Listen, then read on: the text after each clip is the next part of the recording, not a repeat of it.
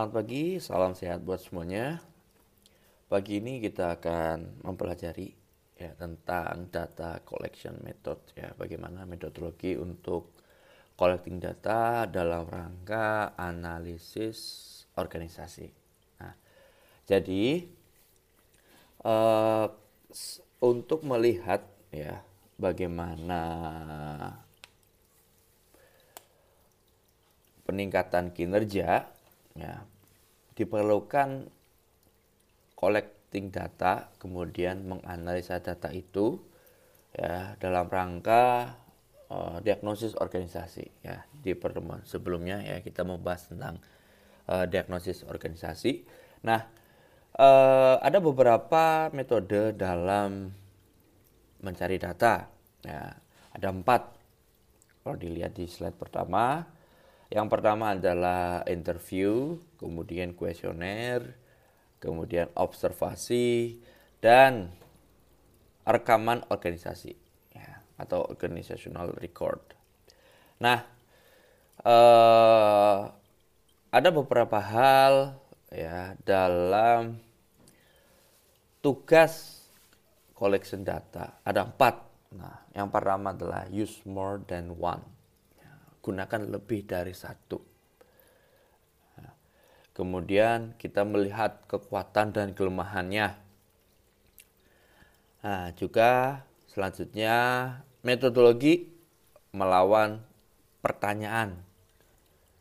Dan yang ketiga impact ya, dari data collection yang dilakukan. Nah, ada empat hal ini Nah, ini yang perlu menjadi guidance buat kalian ketika kalian melakukan collecting data. Ya. Misalnya di sini adalah use more than one. Ya, gunakan lebih dari satu metode atau sumber data. Agar apa? Agar kita mampu memahami informasi yang ada ya, terkait dengan fenomena misalkan atau kondisi tertentu di dalam organisasi. Misalnya di sini ada data yang dimiliki oleh subbagian, ya, ada data yang dimiliki oleh bagian, ada mungkin data yang dimiliki oleh uh, top manager di atasnya. Data-data inilah yang nantinya digunakan dalam diagnosa organisasi. Nah, biasanya kadang persepsi masing-masing itu berbeda-beda, ya kan? Kemudian yang kedua, kekuatan dan kelemahan. Ya, Masing-masing metode collection data ini memiliki kekuatan dan kelemahannya sendiri. Nah, sehingga eh, yang diperlukan adalah tadi tuh lebih dari satu. Ya, siapa tahu dari metode yang dipilih, misalkan di sini kalian mengambil interview ya, ada kelemahannya, ada keterbukaan yang kurang misalkan, atau mungkin uh, kondisi situasi si orang yang diwawancarai ya kan mungkin tidak dalam kondisi yang prima sehingga pada data yang didapatkan itu tidak maksimal. Nah, kita masuk yang pertama ya tentang interview. Ya, apa sih interview? Nah, biasanya interview itu kan proses uh, tanya jawab ya. Dan di sini akan mendapatkan informasi secara langsung dari orang yang bekerja ya atau mungkin orang yang terhubung ya, dalam berbagai cara di dalam organisasi. Nah, interview ini mungkin bisa dilihat pada level-level tertentu di dalam organisasi itu. Nah, nah, interview ini pasti akan butuh waktu yang lama, ya kan? karena kita harus mengalokasikan satu waktu untuk mengajukan beberapa pertanyaan kepada satu orang. Ya. Dan ternyata tidak hanya satu saja, satu orang saja yang akan kita wawancara, tetapi lebih dari satu untuk mendapatkan data yang relevan. Ya. Sehingga perlu adanya pengalaman si pewawancara. Ya, untuk apa? Menggali lebih dalam informasi dari si pegawai tersebut. Nah, ini penting ya termasuk gestur ya kan termasuk juga pertanyaan-pertanyaan yang spesifik merujuk kepada posisi atau jabatan dari si pegawai yang diwawancara itu. Nah, kemudian ada tiga tipe dari interview ya. Yang pertama adalah terstruktur. Ya, si interviewer punya list pertanyaan ya kemudian menanyakan satu persatu dimulai dari pertanyaan basic dulu ya kan kemudian pertanyaan-pertanyaan tingkat lanjutan kemudian an, tidak terstruktur ya jadi ngomong tanpa ada format yang sudah dibuat sebelumnya oleh si pewawancara. Nah, tetapi di sininya eh, si wawancara akan mengcover ya tentang tupoksi atau jabatan tertentu atau kasus tertentu ya kan yang nantinya proses penggalian tergantung pada bagaimana si uh, orang yang diwawancara itu mampu menjawab pertanyaan-pertanyaan yang diajukan oleh si pewawancara ya bisa saja berbeda orang akan ada berbeda pertanyaan ya kan atau mungkin juga ada perbedaan jumlah pertanyaan Selanjutnya yang ketiga adalah kombinasi ya. Jadi kombinasi terstruktur dan tidak terstruktur. Biasanya metode kombinasi ini yang sering digunakan ya, dalam uh, melakukan interview. Nah, dari sini ada 6 ya. Ada 6 kegunaan dari interview yang dilakukan. Ya, nanti bisa dibaca di situ. Intinya interview itu adalah metode pertama yang biasanya selalu digunakan dalam collecting data ya, untuk mengetahui beberapa hal di dalam organisasi Termasuk di situ adalah uh, tentang prosedur yang ada yang dilakukan oleh si pegawai, ya kan. Kemudian mungkin ada kejadian tertentu, ya kan. Kemudian tentang opini organisasi dan sebagainya. Nah, selanjutnya adalah uh, kunci dari skills. Ya, skills kunci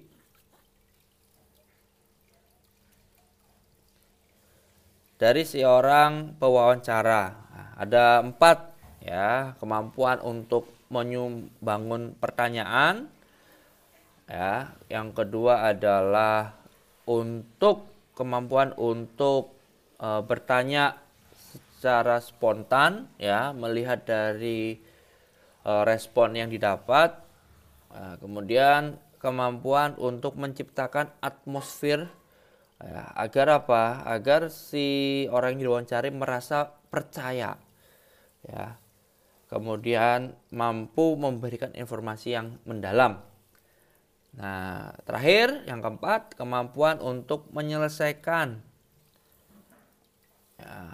tanpa memberikan persepsi atau memberikan interupsi terhadap si apa uh, yang orang yang diwawancari ya. Jadi jangan terkesan seperti menggurui. Ya, itu adalah case skills dari seorang pewawancara. Selanjutnya adalah kuesioner ya.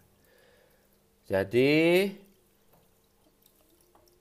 seorang analis yang ahli ya pasti akan menggunakan uh, wawancara menjadi langkah pertama ya dalam melihat kondisi organisasi. Kemudian dari situ diperlukan sebuah kuesioner yang relevan yang nantinya akan membantu si analis dalam melakukan wawancara. Nah, ini ada kuncinya nih. Kalau membuat kuesioner, ya pastikan kuesioner itu singkat. Ya. Jadi semacam interview guide ya, singkat sehingga apa? Sehingga data yang didapat ya akan lebih efektif ya. Spesifik terhadap apa yang ingin dicari. Nah, ada dua tipe nih. Yang pertama adalah open response, yang kedua adalah forced response. Nah, open response ini adalah kuesioner pertanyaan ya. Kemudian si klien ya atau pegawai yang yang dituju akan menuliskan ya jawaban dari pertanyaan yang telah disusun. Ya. Jadi ada peluang bisa mengisi singkat atau mengisi panjang ya. Yang kedua adalah force response ya. Uh, item dari jawaban itu punya tipe yang lebih spesifik misalnya yes or no ya kan? Betul atau salah atau mungkin checkbox ya kan? Pilihan skala ya kan? E, alternatif jawaban ya sangat setuju setuju kurang setuju tidak setuju misalkan. Nah ini dua tipenya ya open response dan force response. Itu bedanya ya. Kegunaannya ada lima kegunaan Tentunya kuesioner ini uh, akan mengcover ya banyak jumlah dari pegawai. Ya kan? Jadi uh, misalnya perusahaan X itu ada 100 pegawai, kan tidak mungkin 100 pegawai tersebut diwawancarai. Ya kan? Yang tidak tercover ini diberikan kuesioner. Ya, agar apa datanya tetap bisa didapatkan. Termasuk juga mengatasi masalah jarak ya kan? Ya, itu kalau perusahaan dalam satu tempat ya perusahaannya ada beda tempat ya kan? Ada banyak cabang ya kan? Tentunya kuesioner ini adalah cara yang mudah untuk mendapatkan data yang dimaksud ya. Kemudian juga untuk mengukur ya dari opini atau dari pendapat si pegawai tersebut ya kan atau juga yang terakhir untuk mendapatkan data yang deskriptif. Ya, misalkan nantinya ketika per, contohnya adalah pertanyaan ordinal ya, data ordinal. Ya sangat tinggi, eh sangat setuju, setuju, kurang setuju, tidak setuju misalkan. Nanti didapatkan diagram pie ya kan. Respon dari si pegawai. Misalkan kita akan membicarakan tentang uh, kerja lembur. Nah, apakah pegawai setuju sih dengan kerja lembur? Nanti ada ada sampai dilihat nih prosentasenya. Oh, yang sangat setuju itu hanya 2%. Yang tidak setuju itu justru 80% misalkan. Nah, ini penting juga dalam uh, menyusun kebijakan dari perusahaan tersebut. Nah, apa sih uh, skill kuncinya? Ya, ada empat. Ya, yang pertama adalah menyusun pertanyaan, ya. Kemudian dia juga bisa melakukan data analisis, ya. Kemudian pertanyaannya tentunya tidak multi tafsir nantinya. Nah, ini adalah skill kuncinya. Sehingga yang diperlukan apa? Diperlukan adalah sebuah pengalaman dalam menyusun pertanyaan tersebut, ya. Jadi banyak cara nanti pertanyaan itu bisa langsung disampaikan, bisa melalui elektronik ya. Contohnya di sini kan sudah ada Google Form misalkan atau bisa dikirim melalui email misalkan dan sebagainya. Kemudian selanjutnya adalah observasi. Ya. Artinya ketika kita melakukan observasi ya, si analis itu akan melakukan pengamatan langsung, melihat bagaimana kondisi uh, organisasi tersebut. Ya. Makanya di sini diperlukan uh, sensitivitas yang tinggi. Ya, sensitivitas untuk apa? Melihat kondisi, kemudian menemukan permasalahan. Ya. Oh kok dilihat kok pegawainya jarang senyum ya. Nah, ini dilihat nih Mengapa kok pegawai jarang senyum? Ya kan itu dilihat dari observasi, melihat kondisi yang ada. Di dalam satu ruangan kok pegawainya jarang interaksi ya, tidak cair suasananya, suasananya kaku. Nah, ini kenapa nih? Atau mungkin bisa di uh, rapat, ya kan? Kok di rapat kok pada pasif semua? Mengapa? Nah, ini bagian dari observasi dan diperlukan sensitivitas yang tinggi dari seorang analis ya. Tipenya ada dua ya. Overt sama covert. Nah, overt itu ketika ada permasalahan, ya kan, ada suatu kondisi yang mungkin uh, unik ya, observer akan menanyakan langsung kepada pegawai, ya, pekerja, apa yang terjadi? Mengapa ini seperti ini? Ya kan? Jadi di sini eh, pertanyaan-pertanyaan inilah yang nantinya akan membantu observer dalam memahami kondisinya. Ya. Yang kedua adalah covert ya. Nah ini tidak tanya si observernya, tapi di sini observernya akan mengamati, memantau. Dia juga tidak berkomunikasi terhadap pekerjanya kan? Sehingga apa? Sehingga si observer ini dapat melihat ya kondisi yang real. Kadang kan ketika ada seorang observer ya kan, ada orang yang akan mengamati ya kan, si pegawai mungkin yang biasanya biasa-biasa aja, malas-malas aja ya kan, wah kelihatannya lebih rajin misalkan atau yang biasanya pasif ya kan? Ada observer ada penilai wah oh, biasanya lebih bagus. Yang biasanya pakaiannya apa adanya ya kan? Wah ini pakainya rapi ya kan? karena sebelumnya diberitahu ini nanti akan ada penilaian. Nah, tolong gini gini gini kan? Ada skenario ya kan? Sehingga apa? Data yang dihasilkan pasti tidak akurat. Nah makanya nih ada covered ya kan? Si observer secara diam-diam mengamati ya kan sehingga bisa memantau kondisi real yang terjadi di dalam organisasi tersebut.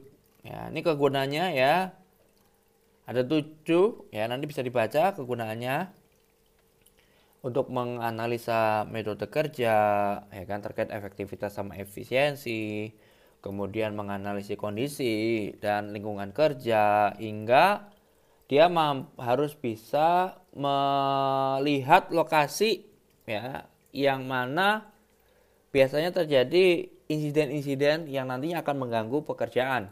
Ya oh misalkan permasalahannya ada di resepsionis misalkan. Oh permasalahannya ada di logistik ya kan? Oh permasalahannya ada di bagian uh, direksinya misalkan ya kan? Nah ini ya kegunaan dari observasi. Sehingga tahu ya kondisi realnya.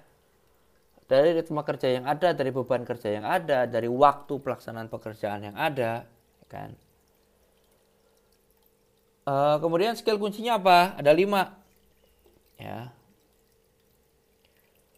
Dia bisa mampu mencari ya mampu mengetahui ini siapa sih kira-kira orang yang terbaik dalam posisi tersebut.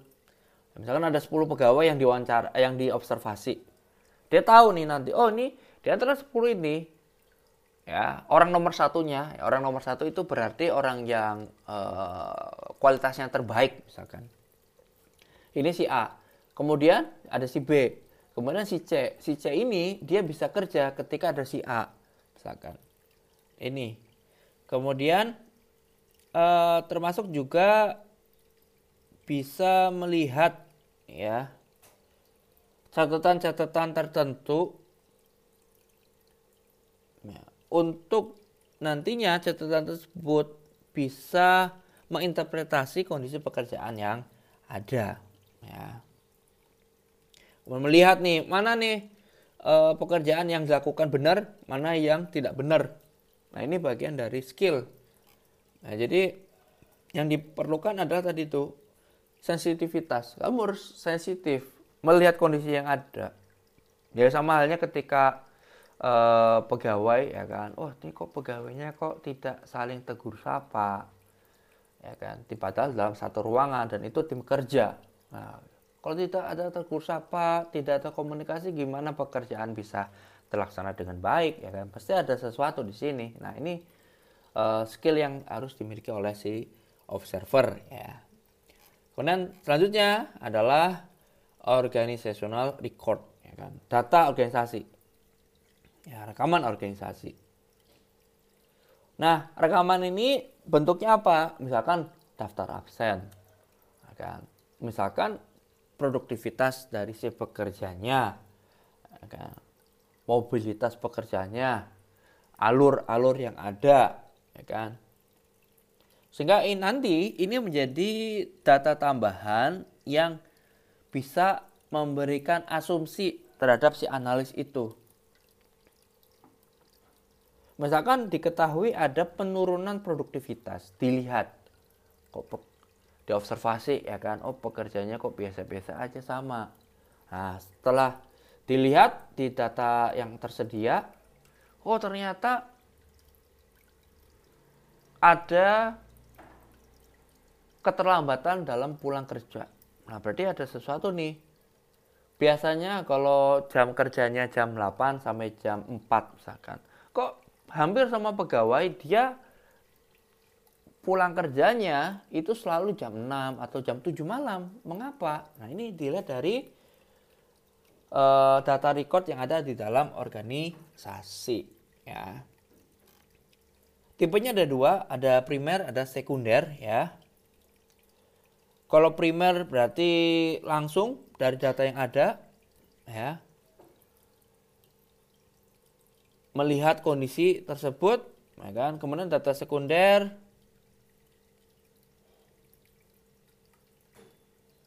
dilihat dari uh, interview, observasi atau kuesioner yang ada yang nantinya didesain untuk mendapatkan informasi tambahan. Ya. Ini ada dua hal ya, primer, sekunder. Jadi ketika primer itu langsung dibuat, dicari data tersebut. Oh data yang dibutuhkan apa sih? Ya kan, sekunder dengan kondisi-kondisi yang ada. Nah, pastinya sekunder itu lebih cepat, ya lebih murah karena berdasarkan existing data. Nah, kalau primer nah lebih mahal. Kenapa? Karena harus cari datanya dulu, dibuat datanya dulu, ya kan? Kegunaannya apa? ya ada enam kegunaannya ya untuk menganalisa area yang loss ya. Kemudian untuk memprediksi trennya ya banyak hal di sini ya termasuk untuk mengklasifikasikan informasi dalam kategori ya, ini data record. Skill yang dibutuhkan apa? Ya, skill kuncinya. Yang pertama dia harus bisa menginterpretasi data ya. Si analis harus bisa membaca data yang ada, data bar chart misalkan atau pie chart ya kan. Mengklasifikasikan informasi ke dalam kategori misalkan. Kemudian dia harus tahu hubungannya antara kategori tertentu dengan informasi-informasi yang ada. Ya, termasuk juga dia harus mampu mengolah data secara statistik. Nah, ini penting di sini ya bagaimana melihat angka-angka tersebut ya nantinya akan dijelaskan ke dalam gambar-gambar yang tentunya mudah dipahami oleh pegawai atau oleh pimpinan perusahaan. Oke, sampai sini dulu. Terima kasih. Assalamualaikum warahmatullahi wabarakatuh.